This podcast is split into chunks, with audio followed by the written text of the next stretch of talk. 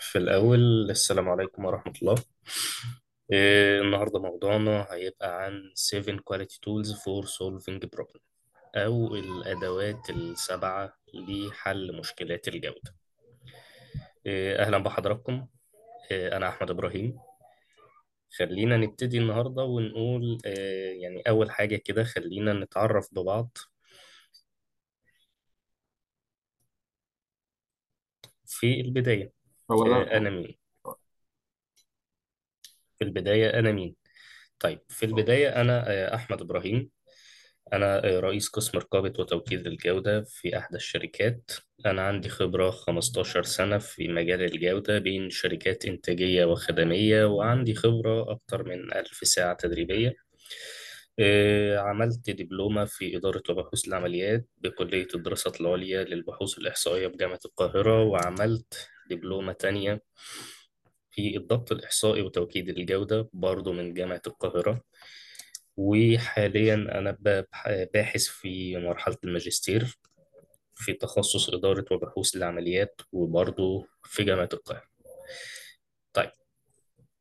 آه، في البداية كده خلينا نعمل آه، مقدمة عن الأدوات السبعة تمام للجودة أول حاجة الأدوات السبعة الأساسية لتم... لتحسين الجودة. آه، ده المسمى اللي إحنا هن... هنتعرض عليه النهاردة صح كده؟ معايا ولا إيه؟ طيب يا باشمهندس؟ تمام تمام. آه هندسة اتفضل. طيب ال... من الاسم كده ال... يعني الاسم في حد ذاته اسمه الأدوات السبعة الأساسية لتحسين الجودة هل في حاجة تانية غير السبعة الأساسيين دول؟ ده سؤال يعني من المسمى كده أي حد مجرد ما يسمع المسمى لازم يبقى عنده الاستفسار دوت هو في أدوات تانية غير السبعة دول اللي هم أشهر حاجة اللي الناس كلها عارفاهم؟ هل في أدوات تانية؟ إيه طيب. حتى بعد ما نسأل السؤال دوت هنلاقي نفسنا بنسأل برضه سؤال تاني. آه، إيه هو بقى تحسين الجودة؟ طيب. آه، السؤال الأول اللي هو آه، هل هناك أدوات أخرى للجودة؟ آه هو في. وفي أدوات آه، كتيرة جدا. كان يعني من فترة كبيرة كده كام سنة كانوا 42 أداة ربما يكونوا زادوا أو حاجة. ولكن هم يعني الرقم مقارب لل- ما بين ال 40 وال 50 أداة لتحسين الجودة طيب آه، هنتعرض لبعضهم قدام شوية قبل ما يعني هنشير على بعضهم كده قبل ما نخش في الموضوع بتاع النهاردة ونتناول الأدوات السبعة بالتفصيل. ولكن بقى السؤال التاني إيه هو تحسين الجودة؟ تحسين الجودة نقدر نقول ببساطة هو نظام ممنهج لتقليل أو منع الفاقد آه، أو منع فاقد العمليات عمليات إعادة التج- آه، سوري هو نظام ممنهج لتقليل أو منع الفاقد آه، أو عمليات إعادة التشغيل أو عمليات الإصلاح أو أي فاقد في العمليات الإنتاجية. نقدر بقول ببساطة ال ال يعني باختصار شديد التعريف اللي إحنا قلناه دوت نقدر نقول إن هي تحسين الجودة هو رفع كفاءة العمليات آه، نقدر يعني نختصر التعريف ده بالكلمتين دول طيب حتى الآن في أي مشكلة؟ آه طيب الدنيا واضحة؟ مم. طيب لو في أي سؤال يعني في أي وقت أنا معاك يعني أو مع الجميع برضو. اسأل وإحنا مع بعض هن يعني هنوضح النقطة اللي فيها أي أسئلة أو النقط اللي مش واضحة. تمام؟ طيب آه، في برضو نقطة إن إحنا بنقول يقع تحسين الجودة في الموضوع الرئيسي لمراقبة الجودة وإدارتها. يعني تحسين الجودة ده هو دي ده ده توبيك رئيسي كده عند إدارة الجودة وإدارة مراقبة الجودة. طيب خلينا برضو نقلب ونكمل زي ما إحنا في المقدمة اللي عندنا والتمهيد. وهنقول الجودة وتحسين الإنتاجية. طيب. آه بيقول يا سيدي في الحتة ديت إن هو بينما تتبنى الشركات طرقا مختلفة للتحكم في نتائج التصميم والتصنيع فإن الهدف هو نفسه دائما تحسين الجودة. الشركات بتتبنى يعني طرق كتير قوي للتحكم في النتائج بتاعة التصميم والتحكم في النتائج ال- بتاعة التصنيع. ولكن دايما الطرق دي هو بيكون غرضها دائما هو تحسين الجودة وزيادة الكفاءة بتاعة العمليات وإن هو يخفض من ال ال نسب الفشل بتاعة العملية أو المرفوضات بتاعة العملية ديت. مهما كانت الأدوات دي إيه هي؟ ومهما كانت الطرق اللي الشركة بتستخدمها هو دايما الهدف بيكون تحسين الجودة. طيب في الجزئية دي برضو بنقول تعمل جهود تحسين الجودة بشكل أفضل عندما يتم معالجة المشكلات بشكل منهجي باستخدام نهج متسق وتحليلي. لا ينبغي أن تتغير المنهجية لمجرد أن الحل المشكلات البسيط يسمح بتعلم العملية وكيفية الاستخدام كيفية استخدام الأدوات بفاعلية كلام إنشائي يعني. طيب. كل الجهود اللي هي الخاصة بتحسين الجودة هي دي بتشتغل بشكل أفضل لما بيكون آه، معالجة المشكلات بشكل منهجي. ما يكونش ال- يعني معالجة المشكلات اللي هي ناخدها case by case حالة بحالة ويكون طرق الحل آه، طبقا للحالة ديت هي الحالة إيه فنحلها المرة دي بالطريقة كذا. طب الحالة إيه دي اتكررت ناخد طرق كل مرة على المزاج أو كل مرة يعني نخترع. مفيش منهج محدد بنمشي بيه نحل المشاكل بتاعتنا. مفيش آه، طريقة لتحليل المشكلات ديت علشان تتحل. آه، فبالتالي يعني مش هتبقى النتائج مظبوطة. لازم كل مرة يكون في أدوات بيتم استخدامها بشكل تحليلي وشكل متسق مع بعضه وإن المنهجية دي ما تتغيرش. يعني مش لأن هي المرة دي مشكلة بسيطة فإن إحنا نبتدي نقول يبقى الأدوات بتاعتنا دي ملهاش لازمة. لا بالعكس يمكن حتى في المشكلات البسيطة دي فرصة للناس إنها تتعلم وتاخد خبرة في استخدام الأدوات بتاعة تحليل وحل المشكلات. طيب. آه، بيجي هنا بقى عندنا بيبقى فيه آه، يعني استفسار كده لطيف. آه، إيه هي متطلبات تحسين الجودة؟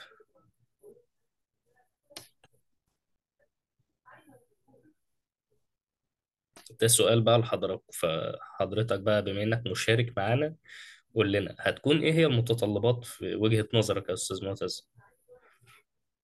آه، عمل آه، كنترول أكتر على المنتج أو آه، تحليل لا العيوب آه، آه، إحنا موجودة بنتكلم أو بنتكلم دلوقتي في المتطلبات بتاعت التحسين لو أنا عايز أحسن فأنا محتاج إيه يتوفر لي علشان أقدر أحسن في الجودة مش بتكلم أنا ليه هحسن؟ أكيد المع... المعدات. المعدات اللي أنا هستخدمها أو طيب. المع- المعايير اللي أنا هحطها للمنتج. آه، طيب. خلينا نقول كده من الأول أول نقطة بنحتاجها في أي مشروع تحسين هو الالتزام المؤسسي. يعني إيه؟ يعني التزام الإدارة العليا بالتحسين دوت. الإدارة. العليا تكون متبنية المشروع اللي إحنا بنعمله دوت من أجل التحسين وتكون ملتزمة بال... بالأدوات والمعلومات اللي إحنا هنحتاجها وبكل حاجة إنها تمدنا بيها وإنها تكون support لينا في موضوع التحسين. الموضوع ما يكونش بس إن هو آه يلا تمام هتعملوا تحسين يلا اتفضلوا. وفي المقابل تلاقي آه، مفيش data بتيجي ليك مفيش آه، احتياجات بتتوفر وما إلى ذلك. يعني إلى آخره بقى من هذه الأمثلة كتير قوي. طيب النقطة التانية من المتطلبات التحسين وهي نقل الالتزام. يعني إيه؟ يعني الالتزام دوت يكون من الإدارة العليا وتنقله كمان للناس اللي تحتها. يبتدي يتنقل لبقية الإدارات ويبتدي يتنقل لبقية الناس في المؤسسة لأن دي من الحاجات زي الثقافة اللي هي بتتنقل آه، من فوق لتحت مش العكس. فدي برضو من الحاجات اللي إحنا بنتطلبها يعني بتبقى متطلبة جدا لعملية تحسين الجودة. طيب النقطة التانية وهي الثقافة المؤسسية. بمعنى إيه؟ بمعنى إن الناس كلها يكون عندها وعي آه، إحنا ليه بنعمل كده؟ والناس مقتنعة بال- بالفكر دوت ومقتنعة بالتحسين ومقتنعة بالتغيير بالعكس وتكون مقتنعة كمان بالمشاركة فيه. مش بس إحنا ده في ناس بيعملوا حاجة حلوة طب ربنا يوفقهم لا. لازم يكون في ثقافة عند الجميع بإن دوت هي... هيأثر عليه بالأفضل هيأثر عليه كفرد أو كإدارة أو كقسم هيأثر على النتائج النهائية بتاعة المؤسسة ككل مش مش المجموعة اللي بتقوم بالتحسين بس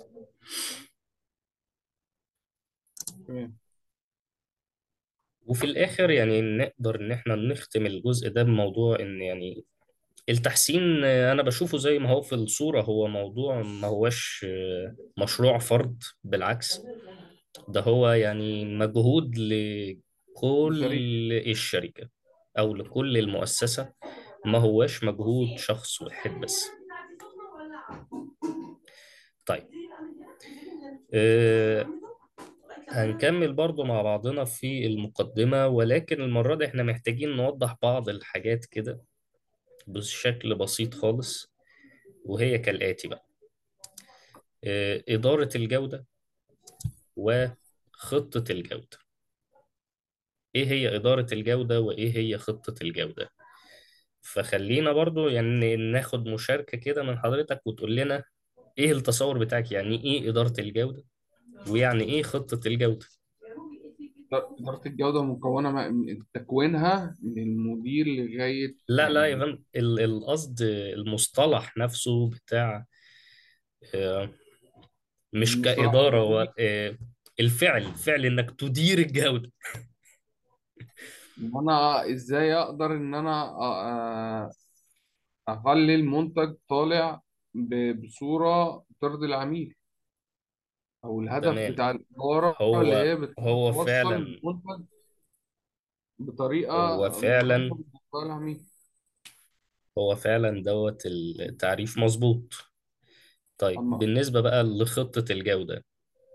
خطة الجودة دي اللي هي الخطوات اللي أنا الإدارة بتتبعها أو بتحطها وبتمشي بتمشي على المنهج بتاعها عشان تقدر تحقق الهدف اللي يطلع منتج سليم يرضي العميل.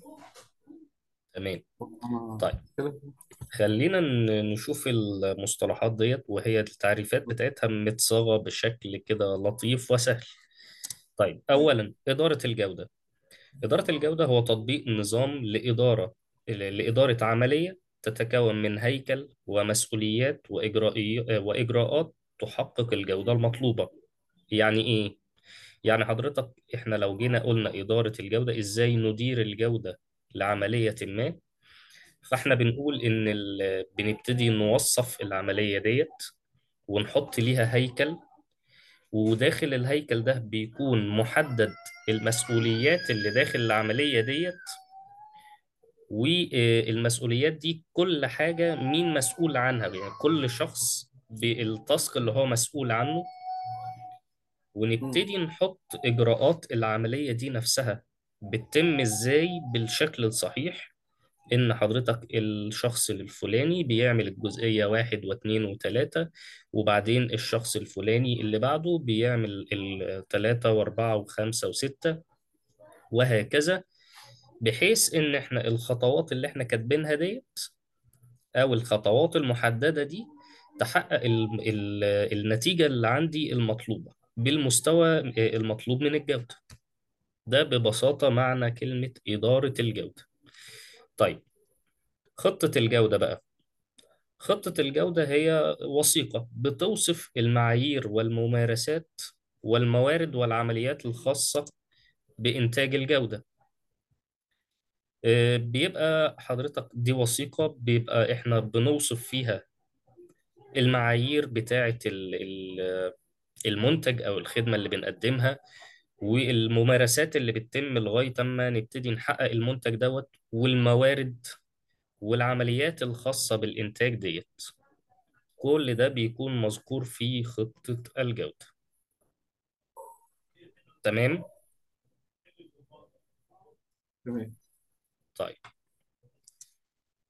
برضه هنكمل في المقدمة ونقول إيه هي توكيد الجودة آه برضو وهناخد برضه مشاركة آه. لا، توكيد الجودة اللي أنا أعرفه اللي هي إدارة بتقوم على رقابة العمليات الإنتاجية أو رقابة الج... آه، رقابة الإض... آه، عمليات جودة ال- الإنتاج. وبتحاول تعمل عملية تحسين على الجودة أو على عمليات الجودة اللي بتتم في المنشأة. تمام. تعمل تطوير من المنتج أو بتعمل آه، اختبارات أو تشوف معايير جديدة بتغطي المنتج. طيب. تحسن المنتج خلينا ن- نصيغ التعريف ده بشكل كده لطيف.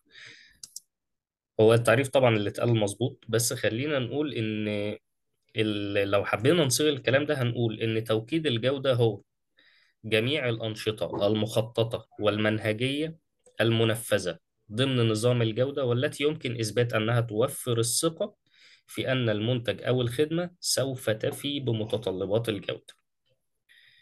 آه، طيب يعني إيه الكلام ده؟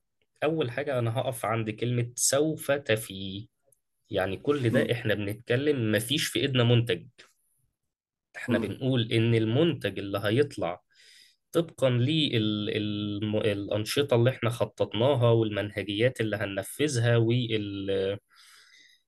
والمنتج أو الخدمة دي سوف يفي. إحنا كل ده فيما يتعلق بالتخطيط لسه للمنتج. توكيد الجودة في الغالب هي بتكون الأنشطة الخاصة بتحديد العمليات وتقييم العمليات قبل أصلا ما يتم خروج المنتج أو قبل ما يتم عملية الإنتاج أصلا. فعلشان كده هي بتكون كلها أغلبيتها عمليات تخطيط. آه طيب. آه نيجي للتعريف التاني برضو وهو أدوات الجودة. وده بقى من التعريفات اللي يعني مهمة جدا لينا النهاردة. طيب. أدوات. الجودة قصدها الأدوات اللي إحنا بنستخدمها في في تحديد مستوى الجودة في المنتج ولا أدوات الجودة طيب مقصودها إيه؟ أدوات الجودة لو جينا نعرفها هنقول هي أداة أو تقنية لدعم أو تحسين أنشطة إدارة العملية والتحسين لتلبية خصائص الجودة مم. يعني إيه الكلام ده؟ يعني هنقول إن ال ال العمليات اللي إحنا بنعملها دي محتاجين إن إحنا ن- نحسن فيها أو آه، نقيس خصائص معينة فيها. فبالتالي في الحالات ديت آه، إحنا محتاجين إن إحنا نستخدم ما يسمى بأدوات الجودة وهي دي موضوعنا النهاردة. تمام؟ طيب.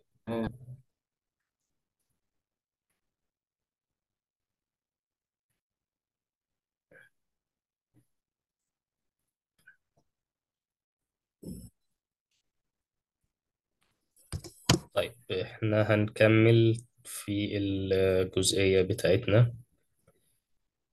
وهنتكلم دلوقتي عن طرق تحسين الجودة. طيب آه، إيه هي طرق بقى تحسين الجودة؟ زي ما قلنا في الأول إحنا ما عندناش إحنا ما عندناش يعني الأدوات بتاعة تحسين الجودة هم اللي إحنا معانا النهاردة هم ال 7 quality tools ال basic 7 quality tools أو أدوات الجودة الأساسية السبعة الأساسية. طيب خلينا نبتدي نعرض أدوات تانية بيتم استخدامها في الجودة وهي دي الأشهر تقريبا. زي مثلا الايزو 9004 إصدار 2018 ودوت إرشادات لتحقيق النجاح المستدام. طيب إيه تاني؟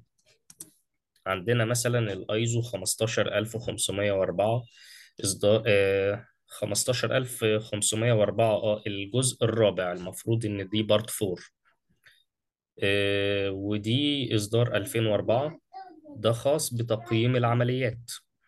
وده بيقدم لنا إرشادات حول الاستخدام لتحسين العملية وتحديد قدرة العملية. طيب من أدوات التحسين برضو دي تقريبا هي أشهر أدوات التحسين عندنا وهي القايزن. آه،. قايزن ده وهو مقصود بيها دي لفظ ياباني مقصود بيها التحسين المستمر أو التحسين للأفضل. آه، الغالب في ال- في القايزن يعني هو التحسين المستمر اسم التحسين المستمر. ودي من أفضل الأدوات بتاعة التحسين ويعني بيكون نتائجها صغيرة ولكن هي باستمرار. أنا أعمل تحسين واحد في المية كل مرة بحيث بعد مثلا شهر ألاقي نفسي يعني لو قست أنا فين قبل الشهر دوت في البداية وفي وأنا دلوقتي واقف في- فين يعني هلاقي ال- الوضع فيه كان أداء كويس وفي تغيير اتعمل يعني حاجة تبقى مرضية جدا. طيب. في كمان معانا ال Six Sigma ال Six Sigma دي آه، يعني هي بنقول طريقة مثل مراقبة الجودة الإحصائية ولكن ال Six Sigma هي طريقة إحصائية جدا. الغرض منها تقليل الاختلافات بين المنتج أو التغيير التغيرات في العملية الإنتاجية وبالتالي تقليل فرص الخطأ. من الطرق بتاعة التحسين وهي ال PDCA. آه، عجلة ديمنج plan do check act. ودي بنقدر نستخدمها لأغراض مراقبة الجودة أو بنقدر نستخدمها لأي يعني حاجة في الحياة تقريبا. أنا بشوف ال PDCA بتنطبق على حياتنا كلها.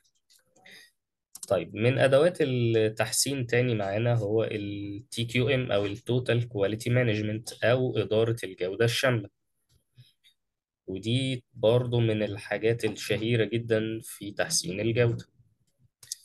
طيب في اللي هي B BPR اللي هي إعادة هندسة العمليات. آه، طيب. آه، عندنا آه، من برضو الحاجات المستخدمة جدا في تحسين الجودة وهي ال quality quality circles وده بيبقى عبارة عن يعني أسلوب جماعي بيبقى موجه آه، نحو التحسين من الأشخاص. بيبقى عبارة عن آه، بيسموها حلقات الجودة. وده بيبقى عبارة عن إن بيتجمع كل ال- الناس المسؤولة من كل العمليات ومن كل الأقسام. ويبتدوا إن هم يناقشوا المشكلات ويناقشوا ال... يناقشوا الحلول المقترحة ويناقشوا الطرق التحسين الممكنة. ومن هنا بيحصل زي brainstorming وبيبتدي الناس إنها تحط أفضل الأساليب اللي ممكن يتبعوها من أجل التحسين. طيب من الأدوات الخاصة برضو بالتحسين وهي دي بقى موضوعنا النهاردة هو ال 7 Quality Control Tools الأدوات السبعة للجودة. طيب إحنا قبل ما نخش في الموضوع الأدوات السبعة للجودة ده إحنا هنتكلم في الأول عن البيديكا سايكل أو آه، ما يعرف بعجلة ديمينج اللي هي بتتكون من إيه بقى؟ ال PDCA cycle طبعا إحنا قلنا اسمها في ال- أدوات التحسين بتاعة الجودة. آه، cycle أنا واحد من الناس أنا بشوفها هي تنطبق على تقريبا كل حاجة في حياتنا. آه، مش على ال يعني مش على ال- شغلنا بس في الجودة لا هي تنطبق على كل حاجة بنعملها تقريبا. ولو بصينا على ال PDCA cycle دي هنلاقيها يعني هي خطوات إحنا بننفذها فعليا آه، سواء يعني قلنا أو ما قلناش اعترفنا أو ما اعترفناش إحنا فعلا لا اراديا إحنا بننفذ ال PDCA cycle دي. طيب ال PDCA cycle دي هي اختصار لأربع كلمات. أول حاجة plan اللي هي خطط وبعدين do اللي هي نفذ وبعدين check اللي هي افحص بعدين act تصرف. نقدر نختصرهم في الرسمة ديت؟ طيب ليه إحنا بنقول PDCA cycle هم أربع خطوات محطوطين ورا بعض بنمشي عليهم بالترتيب. ليه بنقول هي cycle ما هياش يعني method بنستخدمها ليها خطوات وبتنتهي. ليه بنقول هي cycle هي دايما مستمرة. ده هنشوفه دلوقتي. ولكن خلينا في الأول نوضح كل خطوة في الأربعة دول هو إيه اللي بيحصل فيه طيب إحنا هنوضح كل خطوة في الأربع خطوات دول على استخدامنا لل seven quality tools لما نيجي نطبقه. طيب أول حاجة اللي هي ال plan. أنا بأول حاجة بعملها بحدد المشكلة أو الفرصة اللي أنا عايز أبتدي أعمل لها الخطة بتاعتي وأبتدي أعمل تحليل للموقف دوت وأحط خطة التنفيذ. أنا هعمل إيه بقى؟ أنا عندي المشكلة إن في حجم مرفوضات كتير. في العملية الإنتاجية بتاعتي أنا عندي حجم مرفوضات كتير. فإيه اللي أنا هبتدي أعمله علشان أحل المشكلة دي؟ الخطة بتاعتي إيه؟ ببتدي أكتبها. طيب. إيه الخطوة التانية اللي هي دو اللي هي نفذ. أنت حضرتك بتبتدي تنفيذ الإجراءات الصحيحة للخطة اللي أنت حطيتها. الإجراءات التصحيحية للخطة ديت أنت بتبتدي تنفذها. وبتبدأ في توثيق الإجراءات والملاحظات دي باستخدام أدوات جمع البيانات والمعلومات. وفي أداة برضو معانا من الأدوات السبعة للجودة خاصة بالجزئية دي. طيب. في بعد كده التشيك الخطوة الرابعة وهي تحليل المعلومات. طيب. تحليل المعلومات دي إحنا بنعمل إيه؟ مراقبة الاتجاهات وقارن النتائج التي تم الحصول عليها من النتائج المتوقعة. حضرتك وانت بتعمل البلان بتاعتك انت ابتديت تحط آه، النتائج اللي انت متوقع ان هي هتطلع. فبتبتدي في التشيك ديت ان انت تقارن النتائج اللي انت طلعتها فعليا من العملية مع النتائج المخططة. تمام؟ طيب.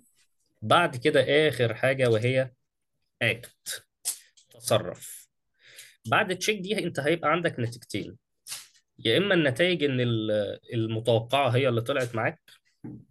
يعني أنا جيت بقارن النتائج المتوقعة بالنتائج المخطط إليها. فبسم الله ما شاء الله اللي أنا متوقعه هو اللي طلع لي. خلاص الوضع ده ممتاز ما تعملش حاجة. سيبها زي ما هي ماشيه طيب لو أنا جيت لقيت النتائج اللي طالعة هي النتائج غير المتوقعة. من هنا بقى إحنا بنقول PDCA cycle وبنسميها cycle لأن حضرتك هتبتدي تعيد الدورة تاني من الأول وهتبتدي إنك تغير في الخطة بتاعتك. هتبتدي توثق أول حاجة النتائج اللي طلعت لك وتبتدي تعمل آه، تعديل للخطة ديت. وهتبتدي توثق النتائج والتعديل وترجع تاني للتنفيذ اللي هي do وبعدين تعمل تاني فحص اللي هو check وبعدين act تاني وترجع لنفس الموضوع. إما إنها آه، النتائج المتوقعة تمام يبقى إحنا وصلنا للهدف المرجو يا إما طلعت آه، تاني نت- نتائج غير متوقعة فابتدي أقرر تاني وأبتدي أقرر تالت. وهكذا إلى إن أنا أوصل للهدف اللي أنا عايزه. آه تمام كده ولا؟ ممتاز جدا. طيب ليه إحنا بنقول آه، يعني أو ليه أنا قلت في البداية كده إن إحنا البيديكا دي بتنطبق على كل حاجة في حياتنا سواء آه، يعني إحنا اعترفنا بدوت أو ما اعترفناش؟ إحنا آه، الخطة اللي إحنا بنعملها مثلا أبسط حاجة أنا لو أنا نازل رايح الشغل فأنا بخطط دوت ما بكتبش بس ولكن أنا بخطط ده في دماغي. أنا آه، عايز إن أنا آه، أروح الشغل فهن إن أنا هنزل من البيت الساعة كذا هاخد مواصلة كذا وبعدها كذا وب... يعني بحط خطة لغاية من نقطة البداية بتاعتي اللي هي من مجرد نزولي من البيت إلى وصولي الشغل. تمام. تمام؟ تمام. طيب آه، بعد ما بعمل كده ببتدي إن أنا آه، ابتدي أنفذ. بعد ما حطيت الخطة دي في دماغي ببتدي خلاص إن أنا أنفذ. ببتدي أنزل بقى وأشوف مواصلاتي. طيب فين بقى هنا ال check؟ ال check إن أنا ببقى في الطريق كل شوية ببص في الساعة أنا كده ماشي طبقا للخطه اللي أنا كنت مقدرها في راسي من البداية ولا لأ؟ أحيانا بعض الناس بيبقى في وسط الطريق تلاقيه راح نازل آه، أخد تاكسي هو ده بقى التصرف. لما ابتديت إن أنا ألاقي مشكلة عندي ابتديت إن أنا آه، آخد تغيير في الخطة بتاعتي. آخد لأ أنا كده محتاج إن أنا أغير المواصلات ومحتاج إن أنا الخطة بتاعتي أعمل عليها تعديل وبدل ما أنا بركب مواصلات عامة أركب تاكسي في المسافة اللي باقية. وببتدي تاني أطبق عليها التنفيذ والفحص والتصرف وهكذا. ده يعني أبسط مثال يعني كلنا أكيد بننزل بنروح الشغل وكلنا بننزل نتعرض للمواصلات العامة طيب آه، مقياسا على ذلك طبعا هو كل حاجة في حياتنا إحنا بنعملها تقريبا فهنلاقيها بتخضع لنفس الطريقة في تصرفاتنا. سواء كنا يعني بعض الناس هتلاقيها بتعمل كده وهي ما تعرفش البيديكا أصلا ولكن هي بتطبقها بصورة بصورة لا وعي يعني. طيب آه، هنكمل تاني في موضوعنا وهنبتدي بقى نتكلم دلوقتي على الأدوات السبعة الأساسية لتحسين الجودة. آه، مين اللي عملهم؟ أول سؤال بيجي في بالنا مين اللي عمل الأدوات السبعة دول؟ أول حاجة إن اللي عمل الأدوات السبعة دول هم اتقدموا عن من طرق عديدة كان عملها العالم كارو إيشيكاوا هو ده أول حد قدم الأدوات السبعة للجودة ويعني هم كانوا أدوات كتير قوي هو بيستخدمهم وابتدى إن هو يطلق عليها السبع أدوات للجودة. آه، إيشيكاوا كان عنده اعتقاد كده صغير إن 95% من مشاكل أي مؤسسة يقدر إن هو يحلها باستخدام الأدوات السبعة دي ما هياش بس يعني مشاكل الإنتاج أو ما هياش مشاكل تقديم الخدمة فقط لا ده أي مشكلة في أي عملية داخل المؤسسة 95% من المشكلات دي يقدر إن هو يحلها عن طريق آه، الأدوات السبعة للجودة طيب الأدوات دي يعني مصممة للبساطة إن هي مصممة إن هي تكون بسيطة جدا بحيث إن أي شخص يقدر إن هو يكون عنده تحليل إحصائي. إيه لما في العادة بنيجي نبني النتائج لازم أقيس أنا فين وضعي إيه وأنا عايز إيه أوصل فين علشان أقدر أعرف ال- الفجوة اللي بين النقطتين دول إيه هي. فما ينفعش إن أنا بالتقدير كده أو بالإحساس أو من يعني زي ما بنشوف البعض إيه والله أنا أنا حاسس أنا أنا عارف إن هي كده لا بص إحنا هنمشي بالشكل الفلاني. الأسلوب ده يعني ولو نجح مرة أو اتنين فمش دايما بينجح. الأسلوب دوت يعني أنا ما بشوفوش أسلوب صحيح. أي نعم بيجيب نتائج مرة واتنين وتلاتة نتيجة الخبرة لكن مش دايما بيكون نتائجه مظبوطة. فلذلك الأدوات دي اتصممت بحيث إن يكون أي شخص عادي جوه المؤسسة آه، عنده آه، حضرتك أدوات بسيطة خالص يقدر ال- من خلال الأدوات دي إن هو ياخد نتائج وتحليلات إحصائية أقل تعقيدا من أي يعني أساليب أخرى. ده الغرض اللي كان عند العالم كارو إيشيكاوا لما ابتدى إن هو يطلق هذه الأدوات. إيه، حتى الآن في أي مشكلة في الجزئية دي؟ طيب تمام. طيب. خطوات. خلينا بقى نشوف أول حاجة لأ خطوات يعني استعجال الادوات قوي كده. خلينا نشوف الاي آه، خلينا نشوف الأدوات دي إيه هي. الادوات وهنبقى بعد كده نشوف خطوات التطبيق ليها وهنتعرض لكل أداة على حدها ويعني كل أداة منفصلة وهنمسكها نفصصها كده ونطبق عليها مثال. والأمثلة كلها بتاعتنا اللي هنطبقها هنطبقها باستخدام ال Excel وال Minitab. لو كان متاح التطبيق على. على الاتنين هنطبق على الاتنين. لو التطبيق ممكن على واحد بس والتاني ما بيقدمش ال- الحل للأداة دي هنطبق على ال- التطبيق اللي بيقدم يعني. طيب. خلينا نمسك كده الأدوات السبعة دول ونتعرف عليهم هم إيه. طيب أول حاجة معانا الفلوت شارت. طبعا إحنا ال- الأدوات ديت لازم طبعا نعرف الاسم بتاعها عربي ولازم برضو نعرف اسمها إنجليزي. و يعني لازم نبقى ملمين بالاسمين علشان يعني ما يبقاش بنسمع حد في مرة يقول لنا فلوت شارت فأنا أقول له إيه مش عارف فلما يقول لي خرائط التدفق أعرف لأ. إحنا ناس مسؤولة وناس تحت ايدينا يعني فرق عمل أو تحت ايدينا في أنا بتعامل مع مستوى level يعني في level تاني layer تاني من العاملين تحتية. لازم أنا أبقى عارف كل المسميات دي وعارف تطبيق الأدوات دي إزاي.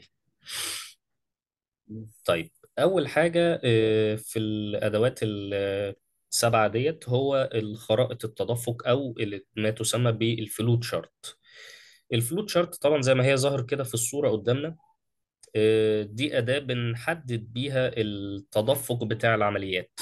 لما يكون عندي عملية آه، بتتم وليكن مثلا آه، أنا في شركة إنتاجية فأنا عايز أعرف ال process اللي بتتم دي إزاي ومراحلها إيه وخطواتها إيه. ببتدي أمثلها الأول في الورق على شكل ال flowchart دوت. وهناخد برضو عليها مثال وهنبتدي إن إحنا آه، نتكلم عليها. دي بتفيدني في إيه؟ ال flowchart ديت هتفيدني لما آجي إن أنا أبتدي أعمل تحسين للعمليات. هتديني طريقة إن أنا أمثل بيها العملية دي على الورق أو على جهاز الكمبيوتر وأبتدي إن أنا أعدل فيها وأبتدي إن أنا آه، أعمل كل ما يخص عمليات التخطيط عن طريق الفلوت شارت ودي يعني من أسهل الأدوات وأكثرها انتشارا في آه، تمثيل العمليات. طيب نخش على الأداة اللي بعد كده. آه، الأداة اللي بعد كده وهي اسمها مخطط السبب والأثر. ويعني الاسم ده يعني هيبقى قليل قوي لما تسمعوه ال- الأكتر هتسمع cause and effect diagram. هي معناها بالعربي مخطط السبب والأثر أو في اسم تاني اللي هو إيشيكاوا دايجرام نسبة إلى العالم أشيكاوا أو في اسم تالت وهو الفيش بون أو مخطط عظمة السمكة.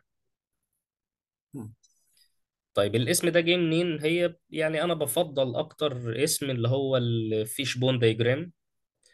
لأنه بيبقى سهل جدا من الاسم تستدل كده على الشكل ان ال- التحليل دوت زي ما حضراتكم كده شايفين هو عبارة عن العمود اهو بتاع عظمة السمكة وبيطلع منه الأسباب أو الأسباب الرئيسية في المشكلات وعلى رأس العمود ده مكان رأس السمكة كده بيبقى بنكتب إيه المشكلة اللي عندنا. وهنا هو بنكتب الأسباب بتاعتها ونكتب الأسباب الفرعية فالمخطط نفسه بيبقى شكل ال- العظمة بتاعت السمكة طيب. برضو ده هنتعرض له وهنتعرض يعني معاه لحاجة اسمها ال 5M ويعني هناخد عليه مثال وهنحله بإذن الله سوا. وده أنا بشوفه يعني من الأدوات الإبداعية. طيب. نكمل بعد كده ونشوف آه، الأداة التالتة معانا وهي آه، اسمها check sheet لما جيت أترجم الاسم بالعربي هو اسمه ورقة التحقق. يعني أنا حتى ورقة التحقق ده يعني صعب شوية إن إحنا ن- نسمع الاسم ده. الاسم الدارج أكتر هو ال check sheet طيب ال check sheet ده بيبقى إيه؟ أحد المشاكل اللي بتقابلنا. أنا دلوقتي سواء أنا كنت تيم ليدر وتحتية ناس مراقبين جودة أو أنا راجل مراقب جودة فأنا واقف على خط الإنتاج بتقابلني مشاكل فأنا عايز أبتدي أسجل المشاكل ديت. آه، بيبقى بطريقة صعبة شوية إن أنا أقعد كل شوية أقول قابلتني مشكلة كذا وأقعد أكتب سطر عشانها. فأحد الطرق الجميلة جدا والسريعة جدا اللي بت بتكون خاصة بجمع البيانات من على خطوط الإنتاج للناس بتاعة الجودة هي ال check sheet دوت. طيب. الأداة اللي بعد كده وهو المدرج التكراري ال histograms. المدرجات التكرارية. طيب. دوت بنستخدمه لما يكون عندي data متصلة وببتدي إن أنا محتاج أحللها وأعرف الشكل بتاع ال data دي إيه ويعني بطلع منه بعض ال data الإحصائية كده من طريق من بس مجرد إن أنا بطلع على الرسم.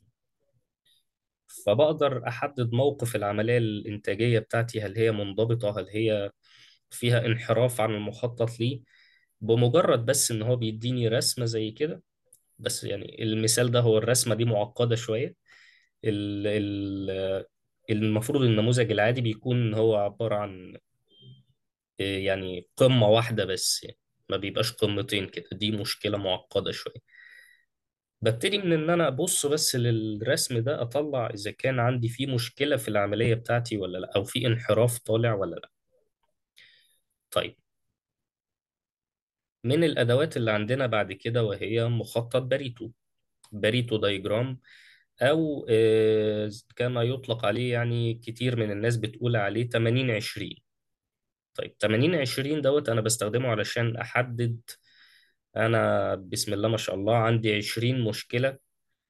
أنا لو قعدت أشتغل على ال 20 مشكلة دول مرة واحدة يبقى أنا محتاجة يعني دماغ خارقة ومحتاجة مجهود جبار. لكن باريتو دوت مخطط باريتو هو من الأدوات الجميلة جدا اللي بتخليني أركز مجهودي على ال- المشكلات المؤثرة. وبرضه هنتعرض ليه قدام شوية في الأجزاء الجاية هنتعرض له بشكل مفصل وهنعرض ليه أمثلة برضه بشكل ظريف ون... ونطبق الحلول بتاعتها. ودوت بنقدر نحله على ال Excel أو بنقدر نحله على ال Minitab. وهنطبق بإذن الله الحل برضه على البرنامجين. طيب. آه، غير باريتو عندنا كمان ال control chart أو آه، خرائط الجودة. طيب ال control chart ديت آه، يعني دي من هي تقريبا يعني أداة إحصائية يعني محتاجة حد عنده خبرة إحصائية شوية. من أكتر الأدوات الإحصائية اللي بتفيدني آه، في العملية بتاعتي أنا موقفي إيه لحظيا وبقدر من خلالها إن أنا أتابع العملية بتاعتي والانحراف بتاعي هو فين والانحراف بتاعي عن النتيجة المرغوبة. هل داخل حدود القبول والرفض اللي أنا حاططها ومحددها من قبل كده ولا إن العملية بتاعتي ابتدت تحيد نهائيا ويطلع مرفوضات؟ كل ده بستخدمه آه، يعني من خلال ال control chart ديت. بقدر إن أنا أطلع على النتائج دي والمعلومات دي. طبعا ال control chart دي في منها أنواع كتير في منها ال X وال R وال آه، وفي اللي هي دي خصائص دي آه، sorry في أول حاجة يعني خرائط ال attributes الخصائص وخرائط لل variables المتغيرات. فطبعا هنتغير يعني هنتعرض للموضوع ده بتفاصيل أكتر. برضو في الأجزاء الجاية. آه، أخيرا من أدوات الجودة عندنا وهو ما يسمى scatter diagram. طيب إيه بقى ال scatter diagram دوت؟ ال scatter diagram دوت هو عبارة عن حاجة اسمها مخطط التبعثر. دي بالعربي. إيه diagram دوت بكل بساطة كده هو بيقدر يقول لنا العلاقة بين متغيرين. وهل الاتنين بيأثروا على بعض ولا لأ؟ يعني إيه؟ يعني أنا لو عندي مثلا إيه، بعمل تدريب لل- للعاملين في قسم معين وبقيس عدد المرفوضات وعدد الأخطاء أو عدد المنتوج المنتجات المعيبة من القسم دوت. فأنا عايز أشوف هل التدريب دوت جاب نتيجة وإن مستوى الناس دي ابتدى يزيد والمرفوضات تقل ولا ما جابش نتيجة؟ فده أنا عايز هنا أقيس الكلام دوت فبقدر إن أنا أقيسه عن طريق السكاتر دايجرام دي كده هي عندنا أدوات تحسين الجودة الأدوات السبعة الأساسية لتحسين الجودة. إيه، بإذن الله في المرات الجاية إيه، هنبتدي إن إحنا نمسك الأدوات دي واحدة واحدة وهنبتدي إن إحنا نتعرض ليها ونبتدي إن إحنا نطبق عليها أمثلة بشكل أكتر وبشكل مفصل. وبإذن الله يعني هنكون في انتظاركم المرات الجاية. فتابعونا. وشكرا لحضراتكم جدا على الحضور والاستماع.